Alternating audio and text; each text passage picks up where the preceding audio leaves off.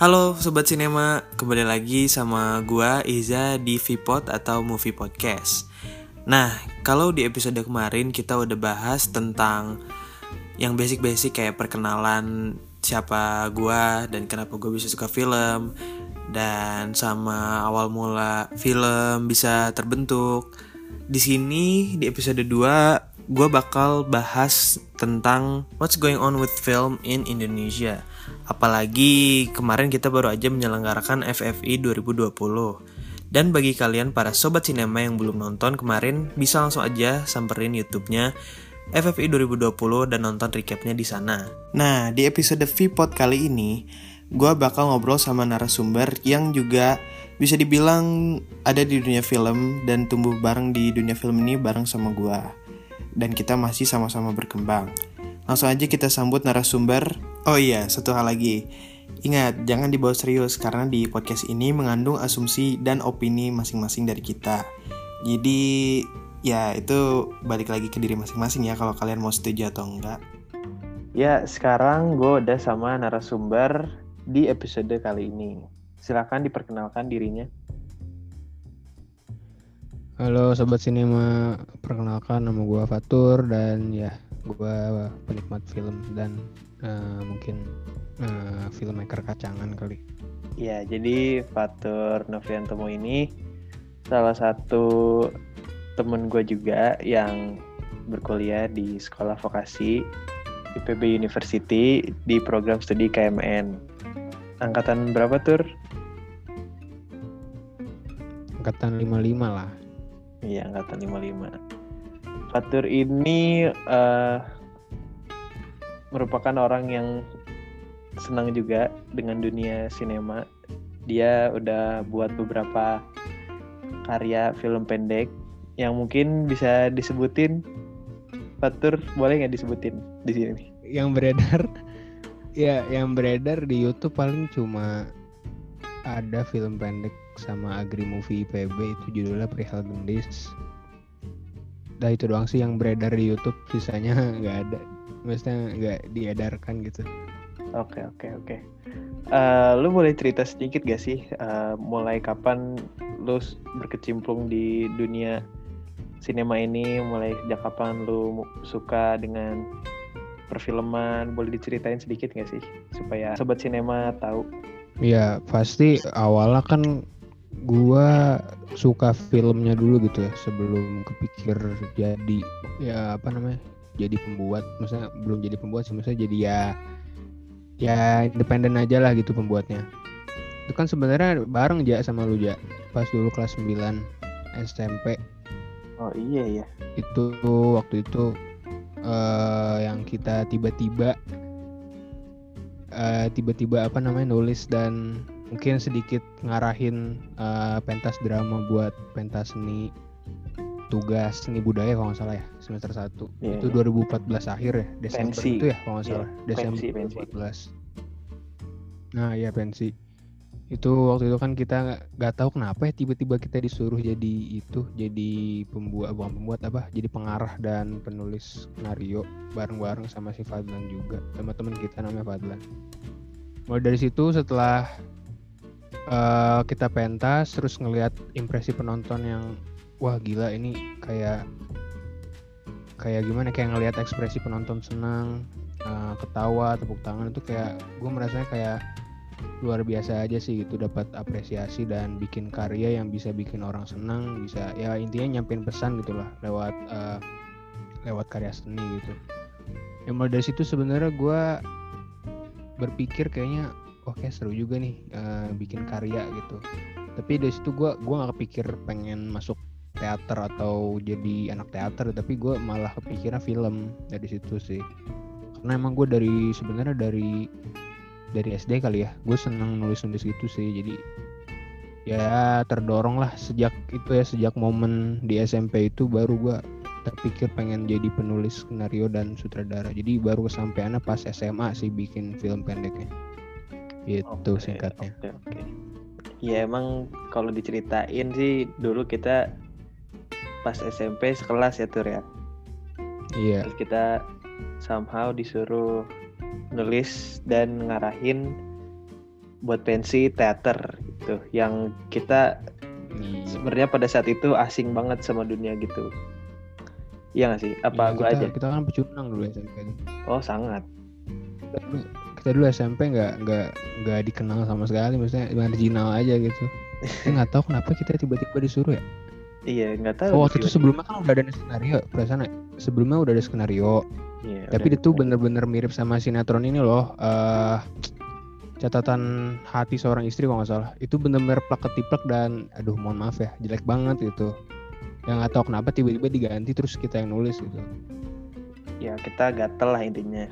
Intinya lah intinya. ya buat sobat sinema yang belum tahu jadi intinya tuh gua sama Fatur gua sama Fatur bisa dibilang mulai suka dengan dunia mungkin awalnya belum film tapi lebih ke dunia nulis skrip gitu-gitu tuh Iya. ya semenjak SMP itu karena ya tergerak aja setelah melihat skenario yang kurang yang Hmm. kurang kita jadi tergerak untuk merubahnya nah pas masuk dunia SMA eh sangat disayangkan gua sama Fatur ini dipisahkan ya SMA-nya ya Iya, iya. Ya gua karena name gua kecil lah, jadi gua terbuang ke daerah yang jauh, kabupaten yang jauh. aduh gua udah main Ya aman udah. padahal dibahas juga ya udah ya Ya itu apa-apa. kan gak apa-apa maksudnya tapi yang penting eh, kita masing-masing di SMA masing-masing berkembang gitu Fatur selama di SMA-nya dia eh, boleh ceritain tur? Eh, lu udah bikin tim ya? Kalau nggak salah ya waktu SMA Nah, ya jadi masa-masa SMA itu bener-bener masa eksplorasi gua. Jadi gua kelas 10, ya kebetulan gua SMA tuh udah ada kamera di rumah karena sebelumnya pas SMP itu setelah kita bikin apa tadi ngarahin pentas seni Pentas terus seni. sepanjang 2015 tuh kenapa gua nggak bikin film? Karena gua nggak megang kamera di rumah sama sekali. Jadi baru kesampaian tuh 2016 April itu ada tugas eh, bahasa Indonesia bikin film pendek itu. Dari situ tuh kesempatan pertama bikin lah gitu. Dari situ terus eh, ya kan itu film pendeknya anekdot gitu ya komedi jadi eh, pas ditayangin di depan kelas tuh ya emang gue make inside jokes kelas jadi ya oh gitu anak-anak. Jadi di situ ya itu lagi ya gue dapet perasaan yang sama kayak pas pensi banyak yang uh, ketawa senang tepuk tangan dan pas bahkan pas setelah nonton tuh kayak ih batur banget filmnya lucu gini gini gini gue dapet apa ya motivasi yang lebih lagi gitu untuk buat film yang banyak. Nah makanya dari situ gue bikin lah karena kan di SMA gue nggak ada eskul film ya nggak ada eskul eh ada eskul, eh, eskul seni sih ada tapi maksudnya nggak ada yang film gitu seni audiovisual jadi gue Yap. bikin tim produksi sendiri bareng orang-orang yang bahkan di SMA gue tuh yang suka film maksudnya yang punya dan penikmat film tuh kayaknya ya Allah cuma dua orang doang kayak itu gue Oke. sama ada teman salah satu teman gue di tim produksi namanya waktu waktu luang production nama tim produksinya Nah, itu sepanjang 2016 gue bikin gue dan waktu luang maksud gue ya gue dan waktu luang production itu bikin bikin dua eh, ya bikin dua film dan 2017 juga 2017 lebih banyak lagi sekitar 4 atau 5 film gitu ya jadi itu bener-bener seru-seruan banget sih pas SMA tuh masa-masa eksplorasi banget gitu sih Iya. iya. Oh ya, untuk sobat sinema yang belum tahu, jadi Fatur sama gua pun tergabung dalam satu grup yang dibentuk dari SMP nih ya, Tur ya. iya betul Nah, di di grup itu pun kita sempat istilahnya duet lah untuk membuat satu film pendek eh, bergenre action judulnya Catch the Criminals. Nah, itu tuh kayak mungkin bisa dibilang ini ya apa nggak tahu lu ikut gak sih waktu syutingnya? Lupa di gua. ikut lah. Ikut ya. yang the criminals kan? Iya jadi intinya di situ kita duet mulai dari penulisan skrip sampai syutingnya. Hmm. dan itu kayak film dibilang bisa dibilang film pertama gak sih? Enggak ya film pertama kita misalnya film pertama kita yang bareng ya duet itu itu yang horror I Alone itu Oh bareng iya, itu- itu- 1CXZ. oh iya, benar-benar. itu ya itu. Film pertama duet bareng kita tuh bukan yang action ternyata yang horror. Judulnya Am I Alone. Bisa dicek sendiri Ya, di itu YouTube. 2016 ya 2016 bisa dicek sendiri di YouTube kalau kalian mau lihat. Jangan deh kalau bisa ya dihindari aja deh pokoknya ya hindari deh jangan dihindari lah film jangan terjun ke situ jangan pokoknya ya Nah. jangan terus eh, kan lu sekarang maksudnya sekarang kita ketemu lagi nih di dunia kuliah Hmm. nah lu kenapa Iya. milih program studi KMN karena tadinya tuh gue pengen milihnya paramedik veteriner sebenarnya. Wah nyambung sekali. Iya nggak tahu kenapa tiba-tiba ya gue pilihan ke satu KMN karena ya itu gue mikirnya gue gua belum kepikiran dan belum tahu kalau bakal ada mata kuliah film sih waktu itu. Tapi ya udah gue mikirnya kayaknya ah, asik juga nih komunikasi jadi pilihan satu gitu pilihan pilihan lainnya tuh Tekom sama PVT kalau nggak salah ya keterimanya alhamdulillah di KMN sih.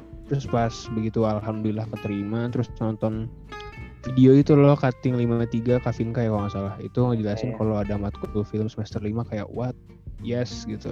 Akhirnya bisa ada Iya, yang iya. ganti. It at least adalah gitu ganti IKJ gitu. Iya Nah, aduh. tadinya kan sangat sangat pengen masuk IKJ tadinya. Malah udah di ACC ya. Cuma ya tiba-tiba ada pengumuman vokasi lolos ya udahlah alhamdulillah terima aja gitu Iya, jadi sebenarnya ya jadi bisa dibilang gue sama Fatur masuk ke vokasi itu kayak apa ya? Untuk mengisi ke nggak bisanya kita untuk masuk IKJ, iya nggak sih? iya bisa dibilang begitu Ya karena ada satu dan lain hal gitulah pokoknya. Intinya Mm. Kita masuk komunikasi un- di sekolah vokasi IPB University itu untuk ngincer semester limanya.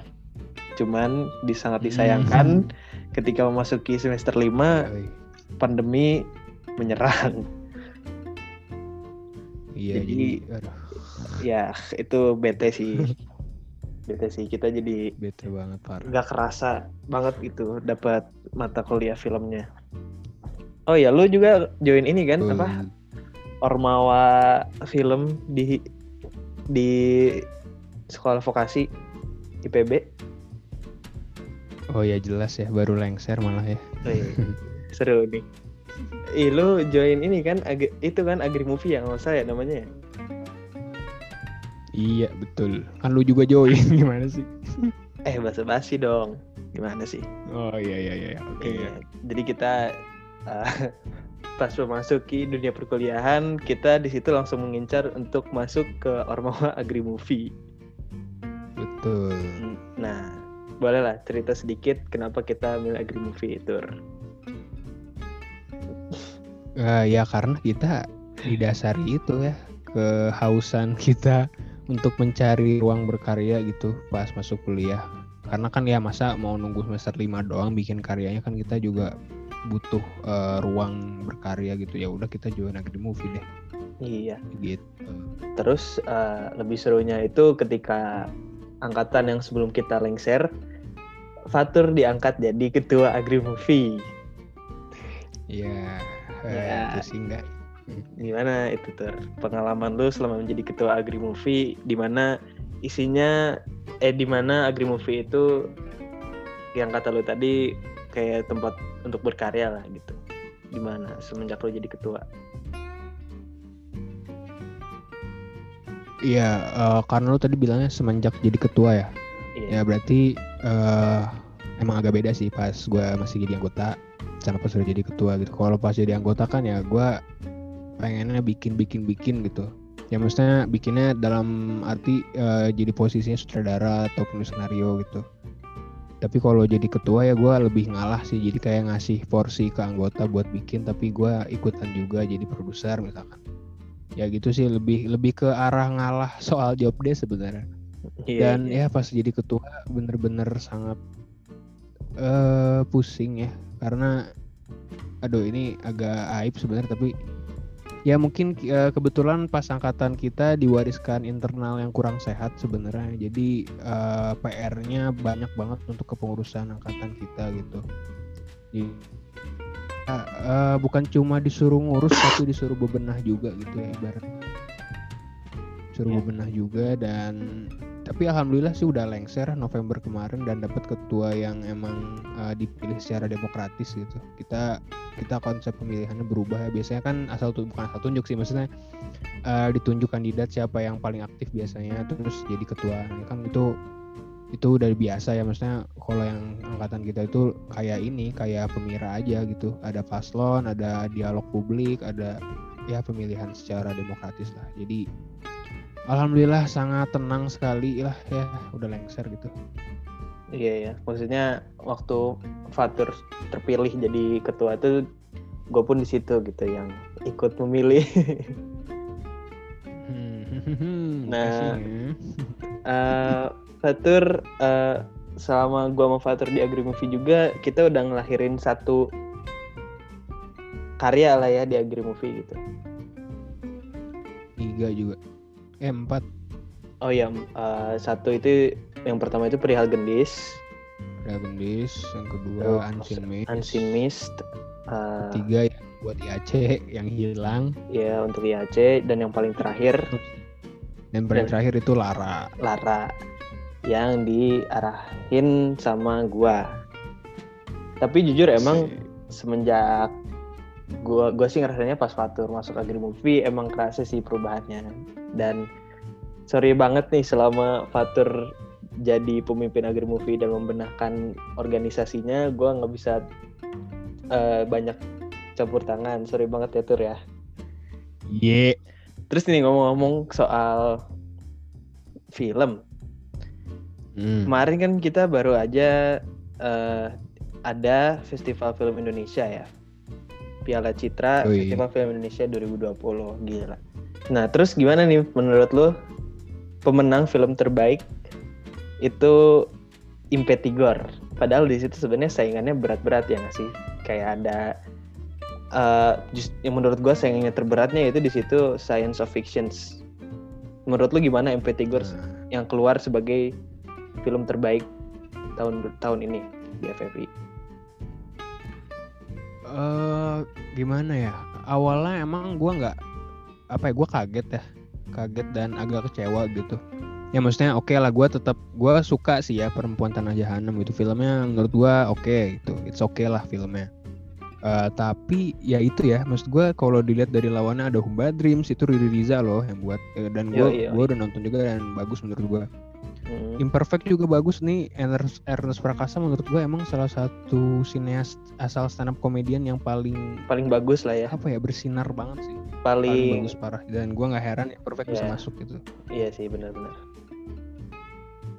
terus lagi teh ada Mudik Mudik juga it's okay filmnya dan gue suka sih lumayan Eh, terus Susi Susanti juga bagus dan ini yang ya bener tadi kata lu ya science of fiction atau hiruk pikuk si Alkisah apalagi gue sebagai fansnya Angin pengikutnya Yose Pangginun gue agak kaget kenapa film ini nggak menang. Ya walaupun emang gue belum nonton ya belum ada kesempatan. Iya, dan sama. rilis di bioskop atau di OTT juga. Jadi gue yakin bisa menang karena ya eh selain prestasi di luar Indonesia dan eh, respon-respon positifnya juga karena gue lihat dari premis dari review-review di Letterbox atau di eh, para kritikus di Instagram itu itu menurut gue oh ini kayaknya bakal menang nih kontender kontender paling kuat tapi ternyata eh Impetigor yang keluar jadi apa perempuan tanah jahanam yang menang Iya. awalnya gue emang nggak apa sih nggak nggak terima lah ibaratnya ya tapi ya pas gue buka Twitter lu lu ikut ya sih Ja? kayak circle circle cinephile Twitter gitu enggak sih, gue belum main sejauh itu. Nah itu di for information di Cinephile Twitter itu pada bener-bener gak terima IP3 menang gitu. Hmm. Kayak pada ya ngeledekin Joko Anwar, ngeledekin filmnya dan juga meragukan keputusan juri FFI. Tapi gua gak gak gua nggak terima tapi gua nggak seradikal itu sih. Maksudnya gua nggak sampai ngehujat atau gimana. Iya, iya. Tapi setelah berha- setelah gue pikir-pikir ya, eh, malah kan PTJ ini perempuan tanah jahanam ini ini kan jadi perwakilan Indonesia di Oscar gitu.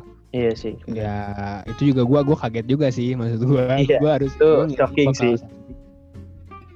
Iya maksud gue uh, tapi setelah dipikir-pikir ya uh, justru ini kan rekor baru malah gitu loh. Uh, di mana film horor bisa menang. Ya film horor tuh bisa ini apa namanya? Menggait, bisa menang bisa. festival paling prestis di Indonesia gitu.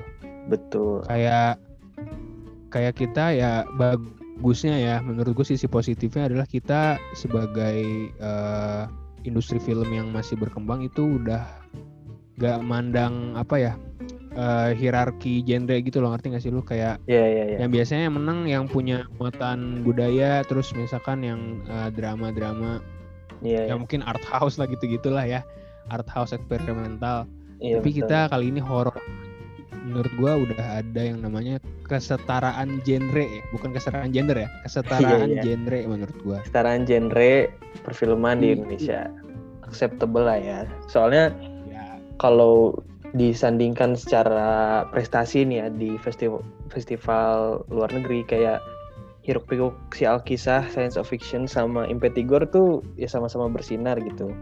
Ya sama-sama bersinar. Di festival karena terus kalau emang dilihat perfilman Indonesia beberapa akhir tahun ini kayak emang lagi naik-naiknya banget apalagi di genre horror semenjak uh, ya Joko Anwar lagi sih yang jadi pendobraknya waktu itu nah, iya. sama hmm. Pengabdi Setan. Nah mulai dari situ uh, genre film horor Indonesia mulai membaik sih kalau menurut gua.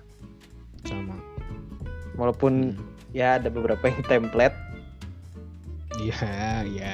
Tapi it's okay lah, masih ada perkembangannya. Oh ya, tapi maksudnya Joko Anwar menang tapi setelah dengar dan lihat speech dia setelah ngambil piala itu uh, maksudnya kayak apa ya make up for Impetigor kok bisa menang sih. Tapi setelah hmm. dia ngeluarin statement tentang ya filmmaker kasarnya filmmaker industri Indonesia tuh ya harus bisa harus bisa saling mendukung gitu. Ya harus bersinergi sih dia bilang itu iya. Harus saling bersinergis. Maksudnya film horornya Joko kayak Impetigor dan Science of Fiction itu kalau dibandingin sebenarnya beda banget gak sih? Ya nggak ya maksud dari genre pun beda ya. Beda Walaupun banget. emang gue belum nonton ya tadi ya iya. uh, si Hiruk Pikuk si Alkisa tapi dari premis pun ya jauh banget sih. Premis. Maksudnya secara premis aja waktu yang gue denger nih ya Angga Sasongko tuh waktu denger premis Science of Fiction tuh langsung jiper lah bahasa gaulnya. Oh iya iya gue langsung gue, gue liat tuh. Langsung dia tuh udahlah gue nggak mau bikin film lagi udah biar Yosef Angginun aja yang buat film yeah, di iya. Indonesia. Iya gue. Kayak gue liat statementnya itu di IG dia. Iya gila, maksudnya segokil itu, maksudnya premisnya langka lah gitu.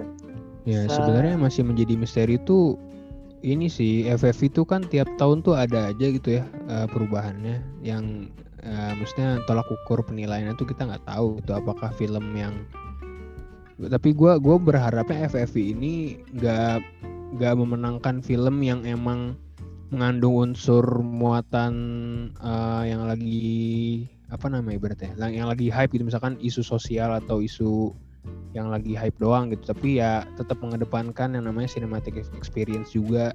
Ngerti gak sih lu? Jadi kayak yeah, kan yeah. kalau Oscar tuh udah apa ya Lalu, kasarnya yang menurut gua ya udah terpolitik gitu loh udah terlalu dikotorin politik sekali gitu ya ya jadi lebih mengedepankan film yang mengandung uh, misalkan uh, isu sosial LGBT atau apa ya itu juga penting maksud gue tapi kan namanya film kan nggak cuma itu gitu yang terpenting juga cinematic experience. Dan PTJ pun bagus sih cinematic experience secara horornya gitu ya bagus banget. Ya mungkin ya mungkin udah Indonesia nggak nggak nggak politik banget sih menurut gua. Oke, terus uh, Fatur ini soal project kira-kira ke depan mau buat apa nih Fatur? Yang pasti pengen bikin film pendek lagi karena tahun ini gak kesampaian bikin satu pun gak ada kesempatan. Maksudnya sebagai sutradara ya, karena kan tahun ini mah soal uh, jadi produser ada ada tiga ya, tiga film kalau nggak salah. Tapi yeah. jadi sutradara dan penulis skenario belum lagi. Jadi Ya pasti kalau ditanya nextnya apa tetap film pendek sih. Dan ini naskahnya masih mandek di draft 2 dari bulan Juli. Ini maksudnya skenario yang gue tulis sendiri ya. Itu dari bulan Juli sampai sekarang masih draft 2. Jadi masih mandek banget. Oke. Mungkin tahun depan sih kayaknya. Oke, thank you Fatur udah mau jadi narasumber di Vpod episode 2 ini. Terima kasih. Yogs. Oke. Nuhun juga. Iya, terima kasih banyak. Yaudah, paling itu aja sih. Thank you Fatur. Yuk. Nah itu dia Sobat Sinema episode 2 di Vpod kali ini.